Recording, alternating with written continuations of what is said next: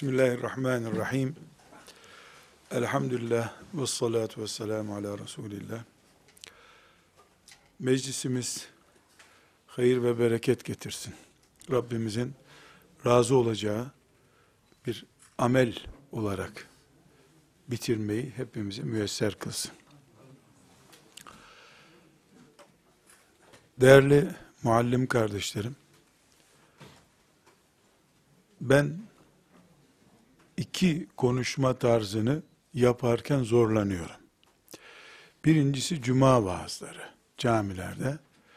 Başlarken 10 kişi yarım saat sonra 3000 kişi dinliyor seni. Her 3 dakikada bir başa geçip konuyu yenilemen lazım. Yoksa yeni gelen bakıyor ne anlatıyorsun. Başında olmadığı bir şeyi anlatman gerekiyor. Bizim Türkiye e, kültüründe cuma namazından önce vaaz var. E, bu diğer İslam aleminde yaygın değil. Çok zor cuma vaazı yapmak. İmamlık yapan kardeşimiz varsa cumanın zorluğunu hissetmiştir. Hutbe o kadar zor değil çünkü dinleyeni belli. Başından sonuna kadar aynı şahıslar seni dinliyor. Derdi bir şey anlatmak, bir paragrafın bölünmeden e, gündeme gelmesini dert edinen birisi için cuma vaazı sıkıntıdır. Ama ben 40 dakikamı doldurayım diyen için bir sıkıntı yok tabii yani. Her dakika paragrafı tekrar etsen anlaşılmıyor zaten. İlk gelen kestiriyor o arada, yeni gelen de yeni dinliyor. Sorun olmuyor. Bir paragrafı 10 defa tekrar edebilirsin. İkinci olarak da bir dalda ehilleşmiş, uzmanlaşmış bir kitleye o dalla ilgili bir şey anlatmak da dert. Yani mesela e, işte doktorlara sağlığın önemine dair briefing vermek çok zor. Belki onların bilmediği bir şey anlatacaksındır sen ama onlar biz zaten bu işin uzmanıyız diye inandıkları için bir türlü onları dinleme moduna getiremiyorsun. Hitabetin zorlukları bunlar. Müsaade ederseniz şöyle sümen altı bir cümle olarak söyleyeyim. Öğretmenlere de çok zor konuşmak. Hele eğitimle ilgili konuşmak. E zaten adları adamların öğretmen. Yani mesleği o. 20 yıldır belki de o mesleği icra ediyor. E, ona öğretmekle ilgili çok farklı bir şey anlatıyor olsanız bile siz e, çok zor bir başlangıç. Bu sebeple binlerce konferansım var.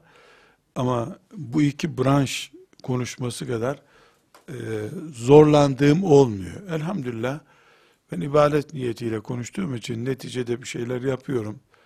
E, tesiri oluyor veya olmuyor ayrı bir konu. E, her halükarda muallimler olarak e, sizinle konuşmayı e, ağır gördüğümü e, beyan etmek istiyorum. Sürçü lisan da olabilir. E, veyahut da yerinde olmayan beyanlarım da olabilir.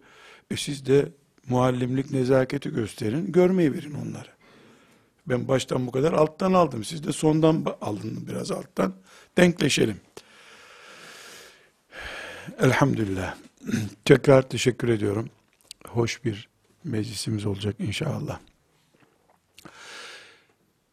Müsaade ederseniz ben öğretmenlik, hocalık, doktorluk, mühendislik, siyasetçilik hepsini bir kenara bırakıp başka bir başlık açmak istiyorum. Biz Allah'ın kullarıyız. Biz herhangi bir beyanda bulunmadığımız halde bizi istediği gibi yarattı. İstediği yerde yarattı. İstediği zaman da devre dışı bırakacak. Ruhumuzu alacak. Biz yokuz Allah var dedik mi doğru bir cümle bu. Ben benim için burada olmadığıma göre, istediğim zaman gelip istediğim zaman gidemediğim bir yerde olduğuma göre, e ben yokum. Tam tersi Allah için, istediği gibi, istediği zaman, istediği yerde her şey olduğuna göre, Allah var aslında, başka bir şey yok. Denecek bir ortamdayız. Aziz kardeşlerim, cümleyi şöyle de söyleyebilirim. Esasen biz, Allah'ın projesinin belli bir tarihteki uygulama noktalarıyız. Ebu Cehil de, Firavun da, Karun, Haman da, Ebu Leheb de, o projenin belli noktalarının figürleridirler.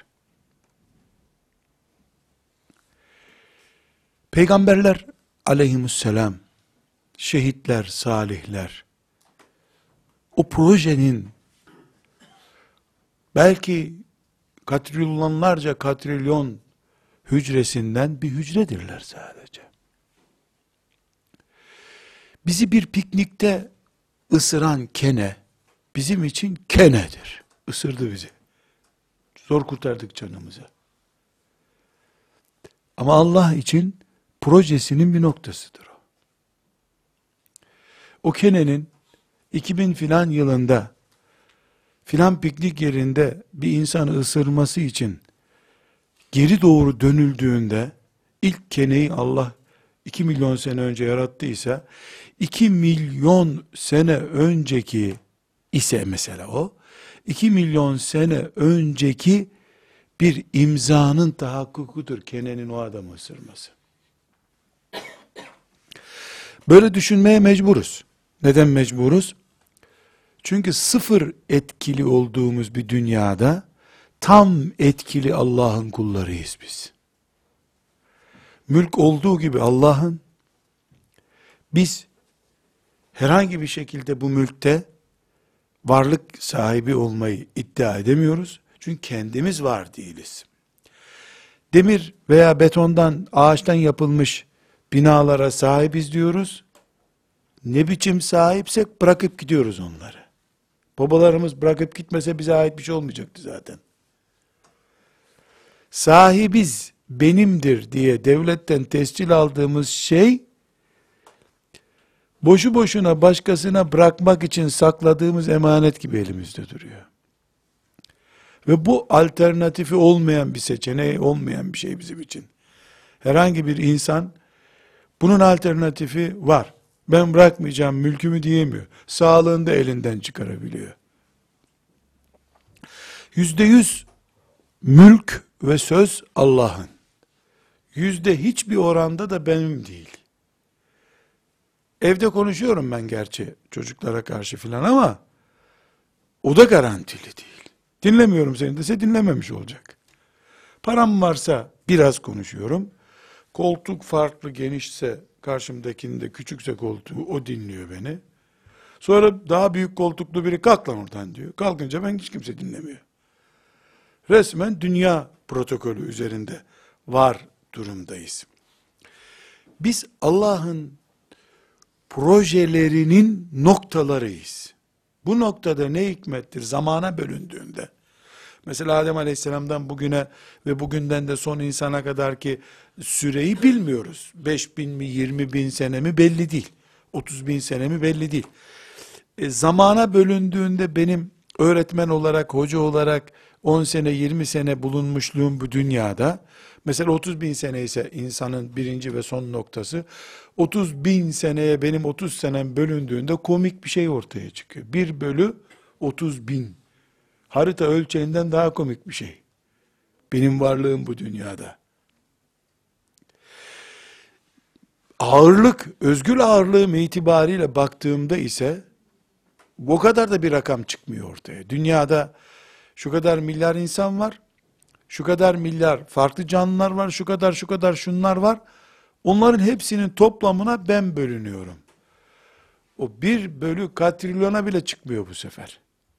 Çok daha zayıf düşüyorum. Her halükarda biz bu dünyada kuluz demek Allah'ın murad ettiği, uygulamayı murad ettiği bir projenin ürünleriyiz demektir. Noktalarıyız, figürleriyiz vesaire. İsim ne kadar istersek koyalım. Bu girişle şunu kastetmek istiyorum kardeşlerim. Biz bir öğrenciyi değerlendirirken ödevini yaptı yapmadıya, sınıfta öğretmene karşı tavrına, işte ailesindeki ahlak algısına göre bir ortalama karne üzerinden çocuğu değerlendiriyoruz. Muallim olarak, hoca olarak, mühendis olarak, siyasetçi olarak kendimizi değerlendirirken ise maaşımızın helal olmasını gerektirecek çapta iş yapıp yapmadığımıza göre değerlendiriyoruz. Ders 50 dakikadır. Elhamdülillah 20 senedir ben 49 dakika yaptığım vaki değildir dersi. Hasta olsam bile gelirim çocukları hocasız bırakmam diyoruz. Dersimi de hazırlarım gelirim diyoruz. El hakta e, böyle olması gerekiyor. Dolayısıyla mesela emekli olduğumuzda bir vicdan muhasebesi diyebileceğimiz bir muhasebe yaptığımızda elimizi şakamıza koyup yani elhamdülillah hiç ders kaytardığım yok benim. Hiç kimsenin zengin fakir çocuğunu da kollamış değilim. E becerebildiğim kadar da matematik anlattım. Din dersi öğretmeniysem camiye götürdüm çocukları. Elhamdülillah. Getirin şu emekli parasını ya güzel bir haç parası tam işte yüzde yüz helal. Diyeceğimiz bir vicdan muhasebesi sonucuna göre maaşımızın da emekli paramızın da helal olduğunu düşünüyoruz. Düşünürüz. Bir sıkıntı yok bunda. Biraz daha derin bir muhasebe yaptığımızda elhamdülillah cuma namazı kaçırmış adam değilim. Allah namaz kılın dedi, cumaları kıldık. Ya bu biraz sorunlu deyince e biz evde de namaz da kaçırmıyoruz elhamdülillah. Beş vakit namaz da kılıyoruz. Biraz daha kendimizi aklıyoruz. Yani iyi kuluz anlamında düşünüyoruz. Hala onaylıyorum. Ben de öyle düşünüyorum çünkü. Benim de hoşuma böyle gidiyor. Ramazan-ı Şerif'te de zaten sorun yok. Ailece sorun yok. Yani Ramazan da full ibadet ayımız. Hele okul tatillerine rastladığı zamanlar Ramazan daha da mübarek bir ay. E, hac da emeklilikten sonra düşünüyoruz inşallah. Alkol sülalemizde yok şükürler olsun. Kumar Yok canım ne alakamız var kumarla? E, tamam da ha Müslüman. Matematiksel olarak bu doğrudur. Böyle bir hesap yapacağız da e, inşallah cennete gireceğiz yani başka türlü neyle hesap yapacağız? Fakat aziz kardeşlerim bugün sizinle ben burada mesleğimiz hani insan eğitmek ve derin düşünmek üzerine kurulu ya nesil yetiştirmekle ilgili bir iş yapıyoruz ya, müsaade ederseniz, çok avami göreyim ben bu. İşte derslere tam vaktinde giriyorum. Hiç alkol de kullanmadım. Kimsenin bir kuruşunu da yemedim. Hatta öğrencilerin aldığı e, A4 kağıtlara bile değil de kendi maaşımla aldığım A4 kağıtlara notlarımı tutuyorum. Hazreti Ömer'in kendi mumunu yakma meselesi var ya, ben öyleyim işte. Dediğimiz bir muhasebeyi, namazı vesaireyi bunların hepsini Tamam dedim, kabul ettim. Ama bunu avami sayalım izin verirseniz. Hakkanidir bu doğru da biz başka bir çıkış yapacağız. Bunu avami sayalım. Biz nesil yetiştirme düzeyinde sorumluluk taşıyan müminler olarak vicdan muhasebesi yaparken Allah'ın projesinin nesil yetiştirmek için konmuş figürleri açısından bakalım. Bir ümmetin ahlakından, ticaretinden, dininden, teknolojik gelişmesinden ve benzeri bir neslin yaşadığı çağın Müslümanca kuşatılmış bir zemin oluşturmak için görevlendirilmiş elemanları olarak Allah'ın internet çağında müminlerin çocuklarını pisliklerden koruyup faziletlere kavuşturacak görevli kulları olarak seçilmişliğimiz.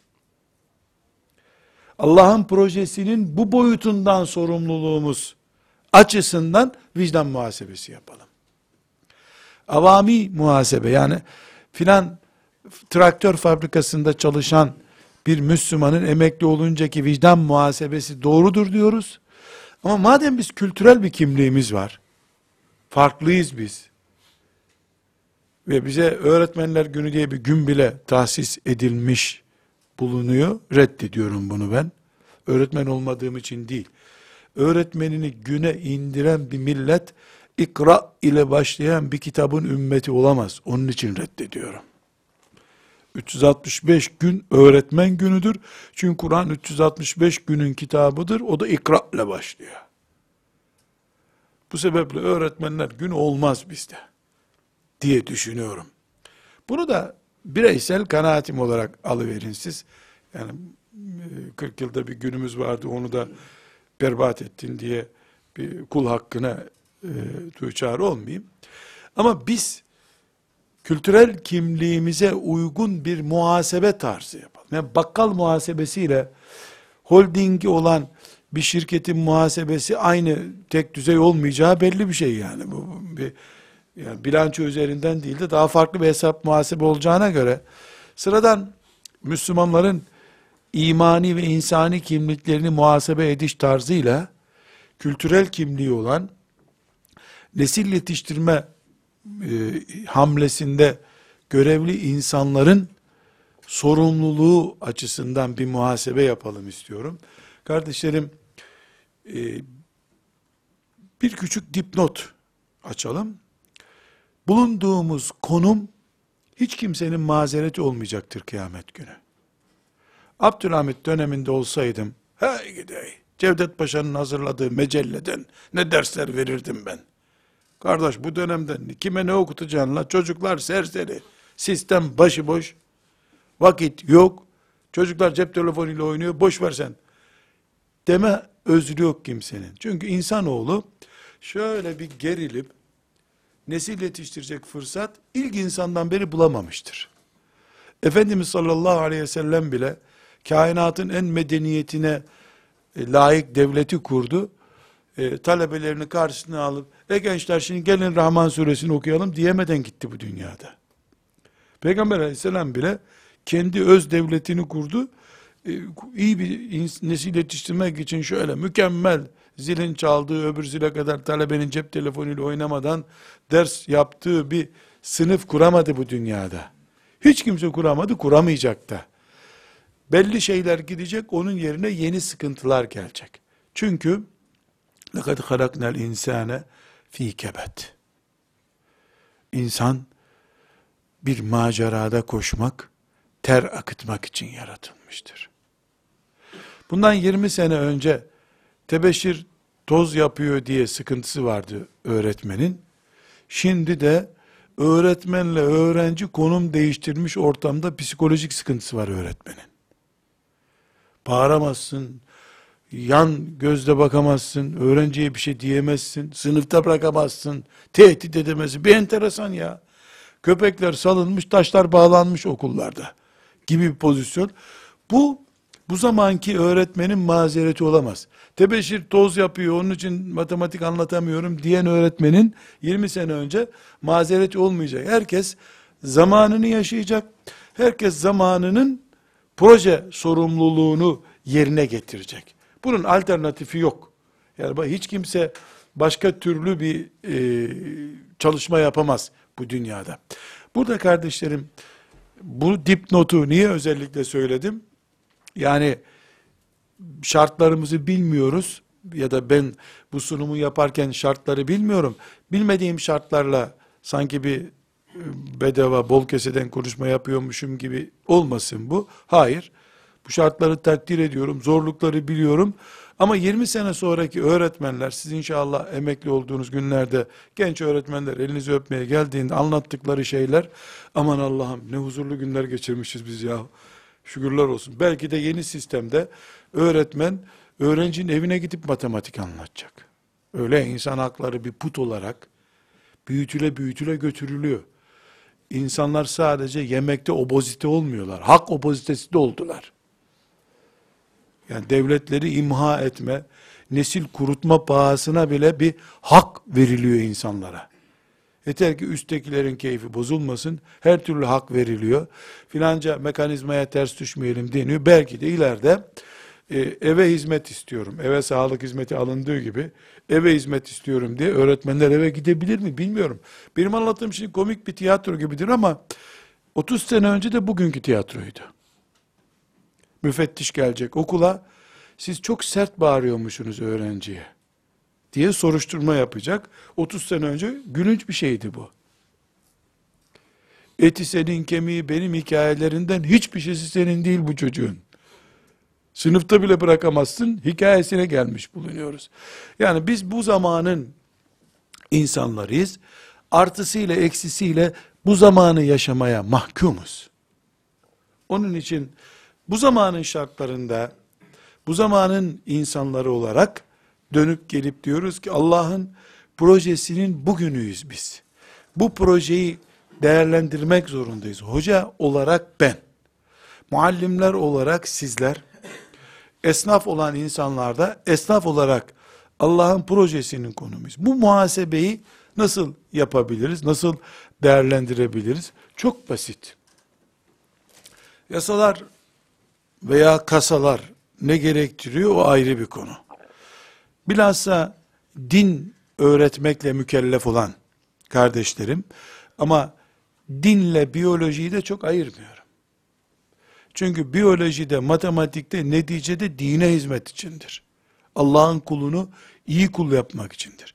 İnsana bir şey öğretmekle mükellef olan insanlar maaş helallığı diye bir standart tutmamalıdırlar. 250 sene sonra bugünün muhasebesini yaparken bir doktora tezinde 2000 e, 255 yılında İstanbul'da doktora tezinde işte Pendik'te ve Sultanbeyli ilçelerinde 2015 yılındaki öğretmen standardı diye bir şey tez yapıyor diyelim. Hani şimdi Sultan Fatih döneminde Molla Fenari filan inceleniyor ya. Bir günde bizi inceleyecekler. Hiçbir çaresi yok. Bir günde bizi inceleyecekler.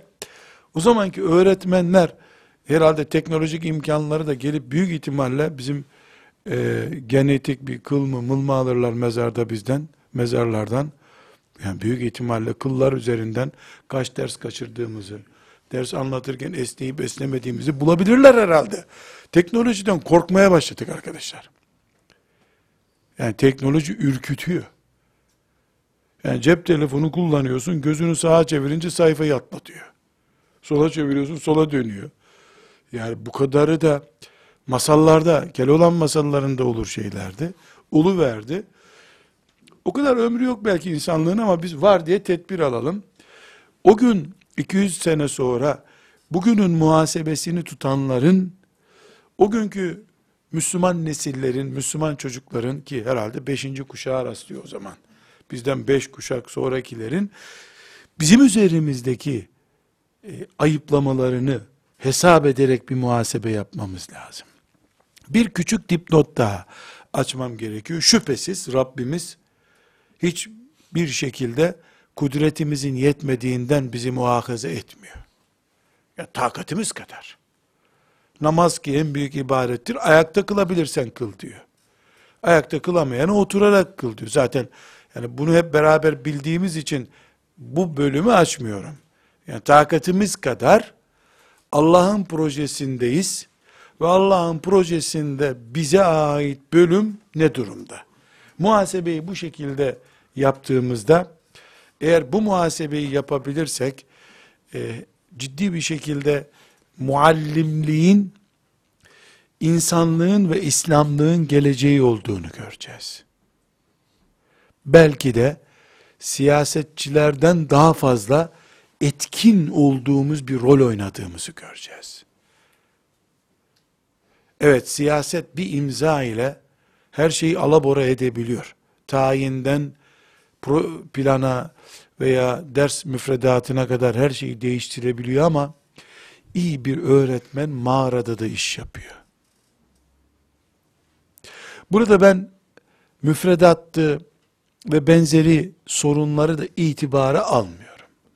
Çünkü insan eğiten bir muallim deftersiz, kalemsiz, sadece gözün göze geldiği bir ortamda bile çok şey anlatır.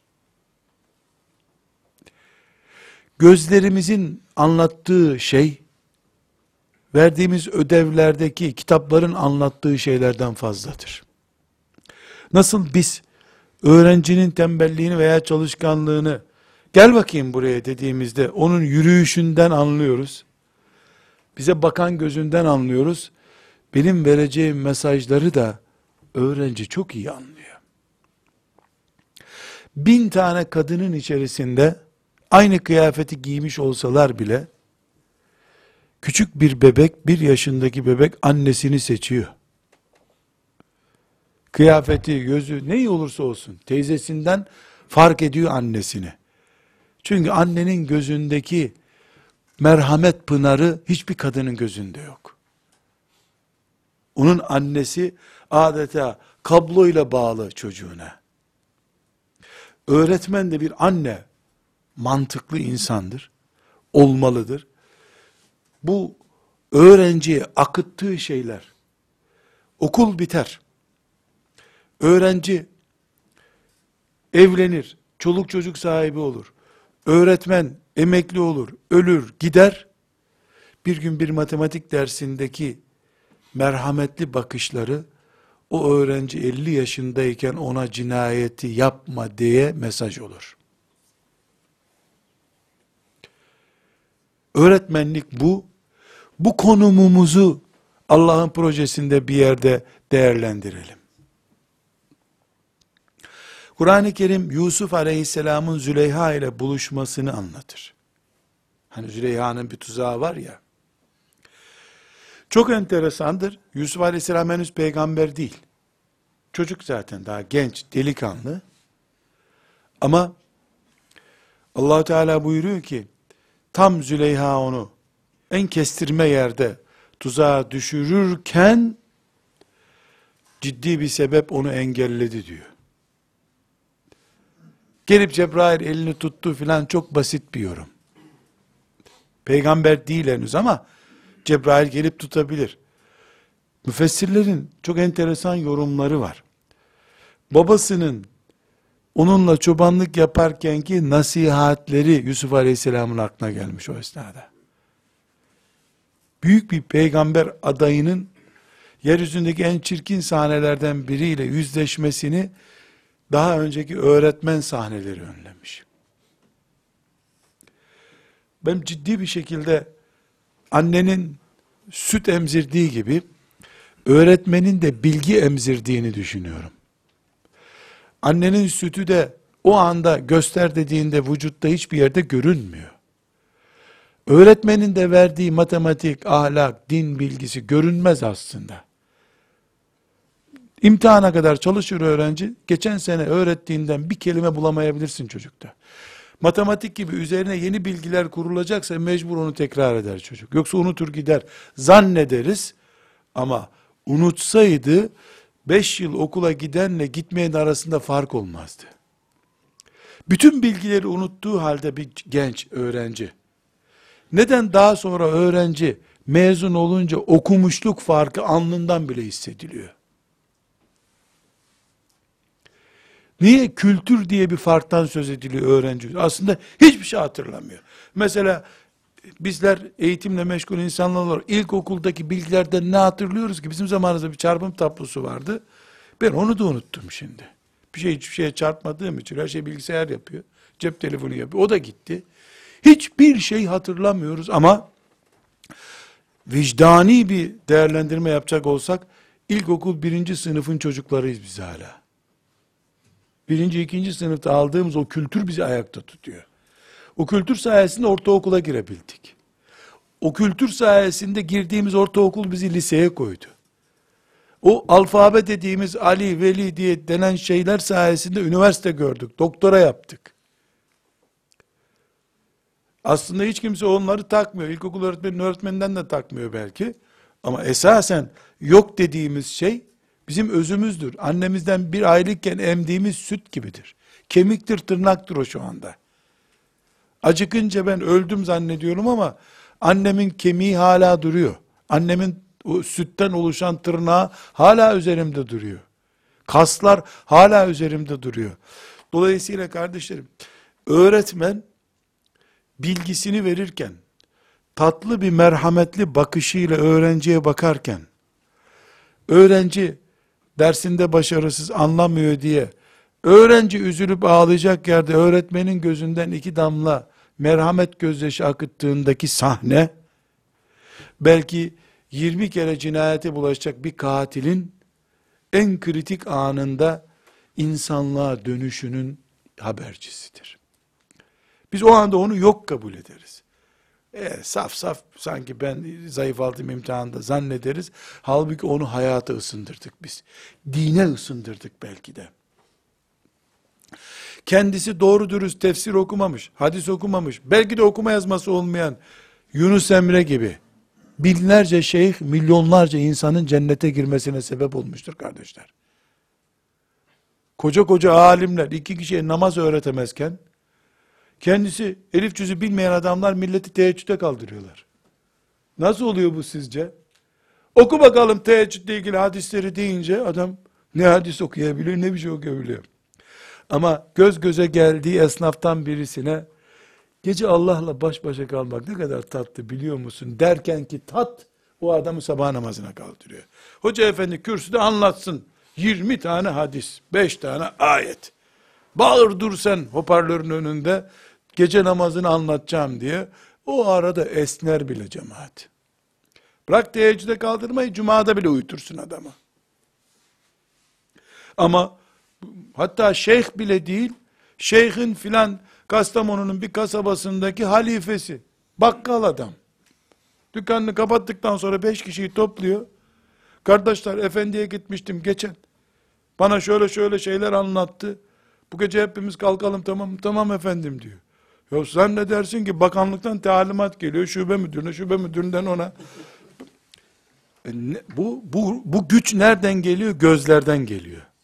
Dilden geliyor. Yürekten geliyor. Bunu kitap yapamaz işte. Kalem yapamaz. Musab bin Ümeyr radıyallahu an onu her gün beş defa ansam doymuyorum. Yesrib'e gittiğinde elinde Kur'an bile yoktu arkadaşlar. Kur'an inmemişti ki. Çoğu inmemişti Kur'an'ın. Kim bilir dörtte biri mi indi bilmiyoruz tabi. Cuma namazı farz olmamıştı o gittiğinde. Cuma namazı yoktu. Oruç yoktu. Zekat yoktu. Cihat yoktu. Hac yoktu. Faiz haram değildi. İçki haram değildi. Evet o içmiyordu ama içki de haram değildi. Musab'ın elinde slaytlar, dokümanlar, resmi gazetede, e, bak Milli Eğitim'de resmi gazete olmuyor, ne oluyor? Tebliğler dergisinde çıkmış bültenler vardı herhalde diyesi geliyor. Ne var elinde? Ya üstünde gömlek yok ya adamın elinde ne olacak ya? Çıplak bir adam. O çıplaklıkla gömüldü biliyorsunuz zaten. O çıplaklıkla gömüldü. Ama tarih ne kaydetmiş? Bir de canavar bir milletin içine gidiyor adam. Evs ve Hazreç birbiriyle savaşıyorlar asırlardan beri. Bu ikisinin ortasında bir yerde piknik yapıyor.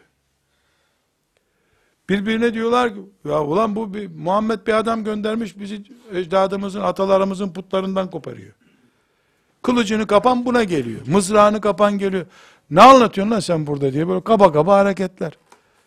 Tarihte örnekleri var yani bilgi geliyor bize. Tek cümlesi var.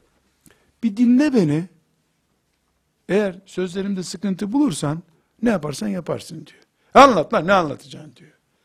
Bismillahirrahmanirrahim diyor. Taha suresinden okuyor. 5-10 sure var zaten. E sonra ne anlatacaksın diyor adam kanatları iniyor. Öldürmeye giden koruması oluyor. Öldürmeye giden koruması oluyor. Bu ne enteresan ya. Yılandan, yılan zehirinden şifalı ilaç yapan bir adam durumuna geçiyor Musab. Elinde kitap yok, defter yok, kalem yok, eşantiyon dağıtmıyor. Kalem dağıtmıyor. Bal, dilinden bal akıyor sadece. Taviz de vermiyor üstelik. Evet aslında sizin dininiz de fena değil, gelin bir diyalog yapalım, tartışalım, bunu da demiyor. O Resulullah'tan başka hak yok onun için zaten. Ama onu tatlı anlatıyor. Ya ne kaba adamsınız, hiç sizde misafirperverlik de yok işte. Tanrı misafiriz demiyor. Tamam kovarsan kov, hele bir dinle beni diyor. Tatlı dille bütün yılanları mağaralarından çıkardı. Onun için diyoruz ki, bu ümmetin çocuklarının öğretmeni Allah'ın izniyle diliyle konuşmasa bile gözünden fışkıran merhametiyle nesilleri payidar eder. Edebilir.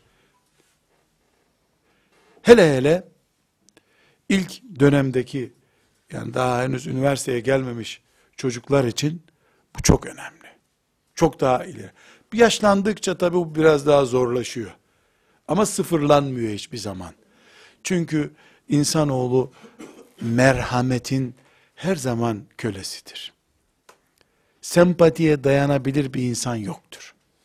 Sempati hiçbir zaman direnç göremez. Karşısındakini eritir.